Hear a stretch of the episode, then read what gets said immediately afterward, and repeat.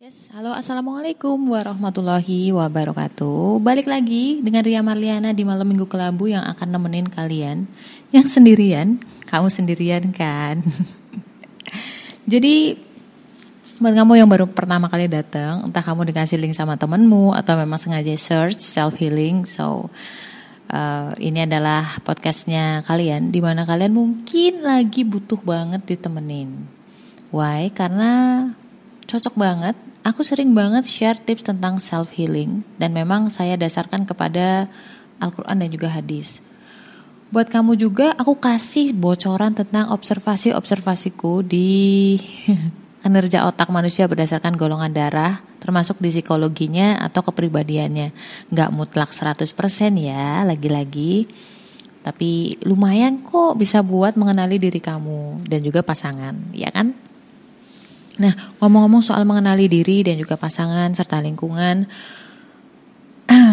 seminggu terakhir tuh aku sempat nyari trending topik di Google apaan. Aku kaget dong karena apa? Karena ada lebih dari lima kasus bunuh diri kalau nggak salah. Kalau nggak salah ya, correct me if I'm wrong. Karena ya sempat kaget aja ketika searching di Indonesia di tujuh hari terakhir ternyata kasusnya bunuh diri, gantung diri, terus minum racun. Kan aku terus heran kok kenapa jadi banyak? Biasanya kan kalau misalkan satu orang yang bunuh diri ya topiknya cuma itu-itu aja kan. Sulawesi atau apa, kenapa ini di dua tempat yang berbeda? Aku terus kepo kan, searching lah aku tentang bunuh diri di uh, Paswik ya. Aku sempat kaget karena ya ampun kayaknya aku harus ikut beropini dan aku saat ini hanya akan fokus di masalah siswa yang bunuh diri diduga karena depresi karena banyaknya tugas-tugas daring dari sekolahnya. Nah, gimana ceritanya dan bagaimana itu bisa terjadi? Apakah ini memang benar-benar kesalahan dari sistem pembelajaran online kita?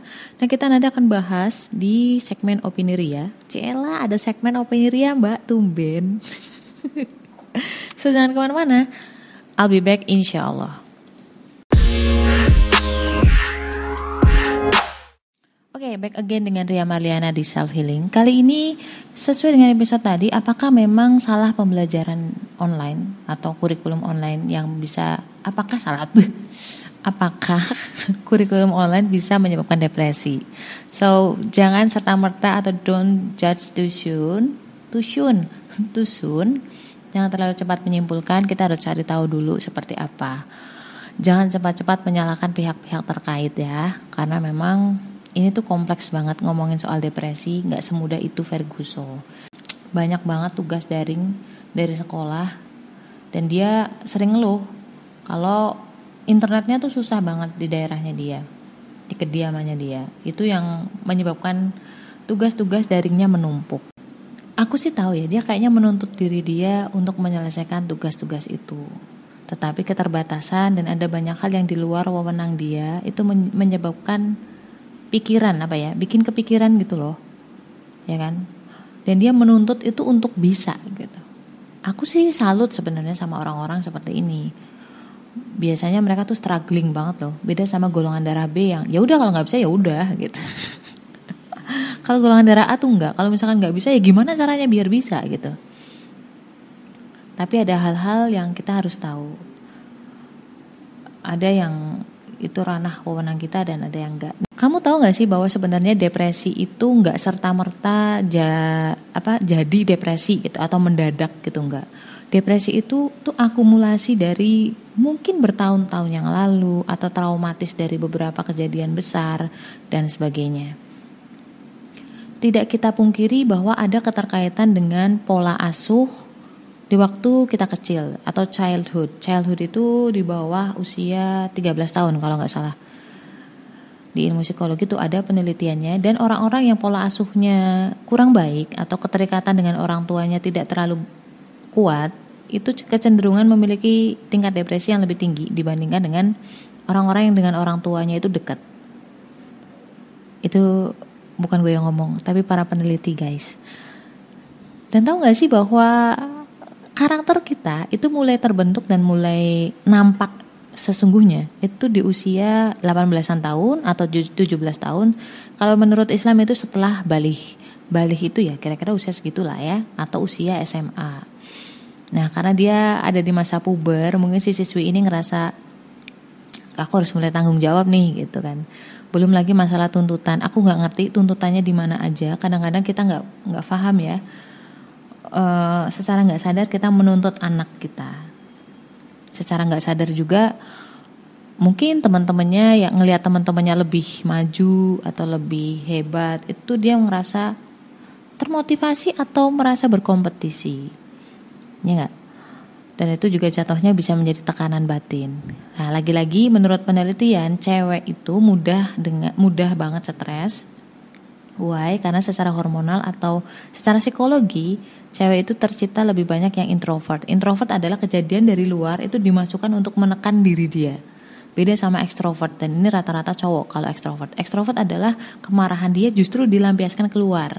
Itu ekstro ya. Kalau intro adalah dari luar entah apa pun itu itu dimasukkan ke dalam. Baper lah ya istilahnya gitu.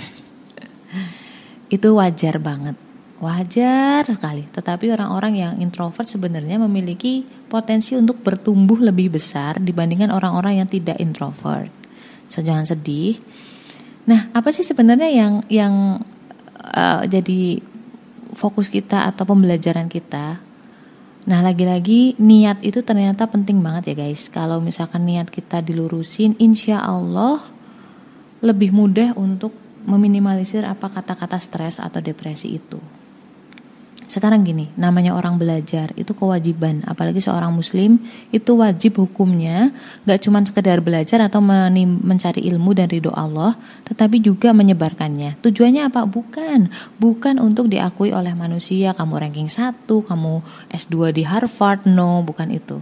Bukan mencari pengakuan manusia, tetapi bagaimana agar ilmu itu mendekatkan kita sama Allah.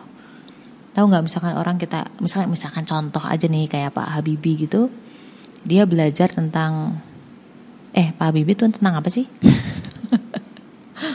tentang pesawat lah ya. Apa pun ilmunya sebenarnya. Kayak saya misalkan psikologi pun sebenarnya juga juga tahu lah ya ada ada ada kebenaran atau the, the really apa sih the real truth dari Al-Qur'an dan, dan juga hadis. Nah, dari situ kita bisa berpikir bahwa oh ya ya ternyata Al-Qur'an dan hadis itu benar. Bahkan dulu bahkan sekarang itu banyak mualaf yang memang sebelumnya mempelajari sains. Dia membenarkan apa uh, di surat Al-Alaq yang soal embrio itu. Coba kamu bisa cek di situ. Mereka akhirnya ber, ber, berbondong-bondong masuk Islam. Kurang lebih kira-kira begitu. Jadi tujuan akhirnya adalah mendekatkan diri kita sama Allah. Bukan mencari pengakuan manusia. Kalau misalkan mencari pengakuan manusia, tak jamin dah 100% itu pasti stres. Pasti depres gitu loh. Depres, depressed Jadi lagi-lagi yang bisa kita pelajari dari peristiwa ini adalah membenarkan niat dulu atau intention. Niat kita belajar itu mencari ridho Allah karena itu kewajiban kita sebagai seorang muslim.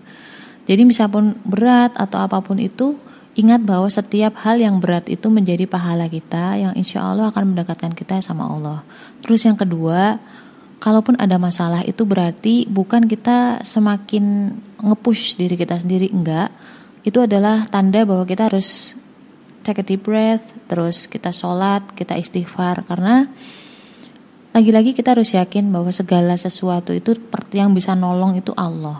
Itu mulai di, mulai dari situ dulu. Karena ketika istighfar hati kita tenang dari situ kita akan diilhamkan hal-hal yang uh, memudahkan kita untuk menyelesaikan apa pun ujiannya lebih ke situ sih menurutku. Dan jangan nyalain langsung kurikulum ya guys, karena depresi itu bukan kayak uh, apa namanya eksak satu tambah satu sama dengan dua gitu enggak kayak gitu.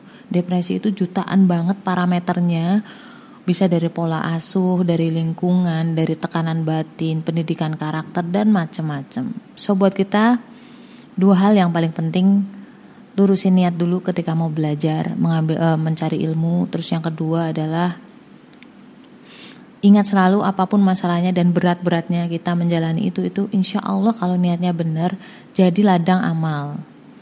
Terus yang ketiga jadi tiga mbak kan tadi katanya dua.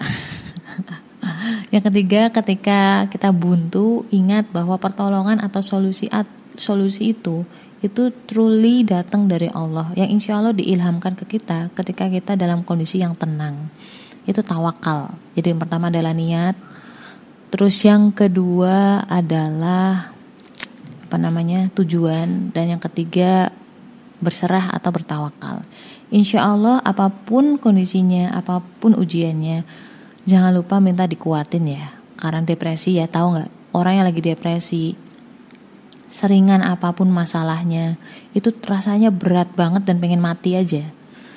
Dan tahu nggak ketika orang bunuh diri itu nggak serta merta enak. Serius orang bunuh diri itu itu sakit.